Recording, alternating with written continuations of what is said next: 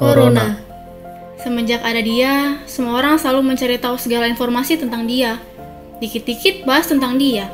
Semuanya tentang dia deh pokoknya. Sampai pada akhirnya kalian semua lupa tentang diri sendiri. Gak pernah kan lo gali informasi tentang diri lo? Tentang apa yang lo suka, lo inginkan? Di masa pandemi kayak gini malah lo pada sibuk cari informasi tentang corona. Coba deh dalam satu minggu, lo gak usah cari tahu tentang corona. Tapi, lo cari informasi tentang diri lo. Anggap aja lo adalah virus untuk dunia ini. Cari tuh informasi tentang lo, galis dalam mungkin, supaya lo bisa jadi pusat perhatian bagi dunia ini. Nah, saat ini gue juga mau bahas nih tentang hubungan di masa pandemik ini. Ada berapa banyak pasangan yang putus di masa pandemik ini? Dan ada berapa banyak juga yang bisa bertahan?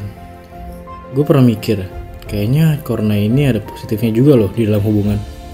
Karena gini, lu bisa lebih mengenal pasangan lu selama masa pandemik ini.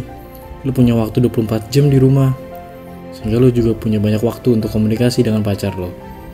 Mungkin banyak banget pasangan putus di masa pandemik ini karena sifat asli lo keluar dan lo jadi virus untuk hubungan lo dan akhirnya hubungan lo mati. Jangan lo ngomong, ini sifat buruk gue, terima dong. Katanya mau terima apa adanya.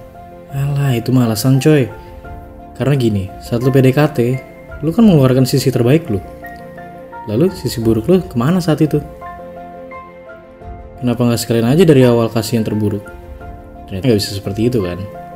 Maka, di masa pandemik seperti ini, lu juga bisa mengeluarkan sisi terbaik lu dong.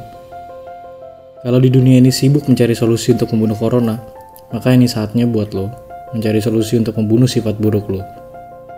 Ya udahlah, itu aja. Capek gue bahas corona, anjing. Gue Michael, Dan gue Eta, semoga podcast tidak berguna ini berguna untuk lo.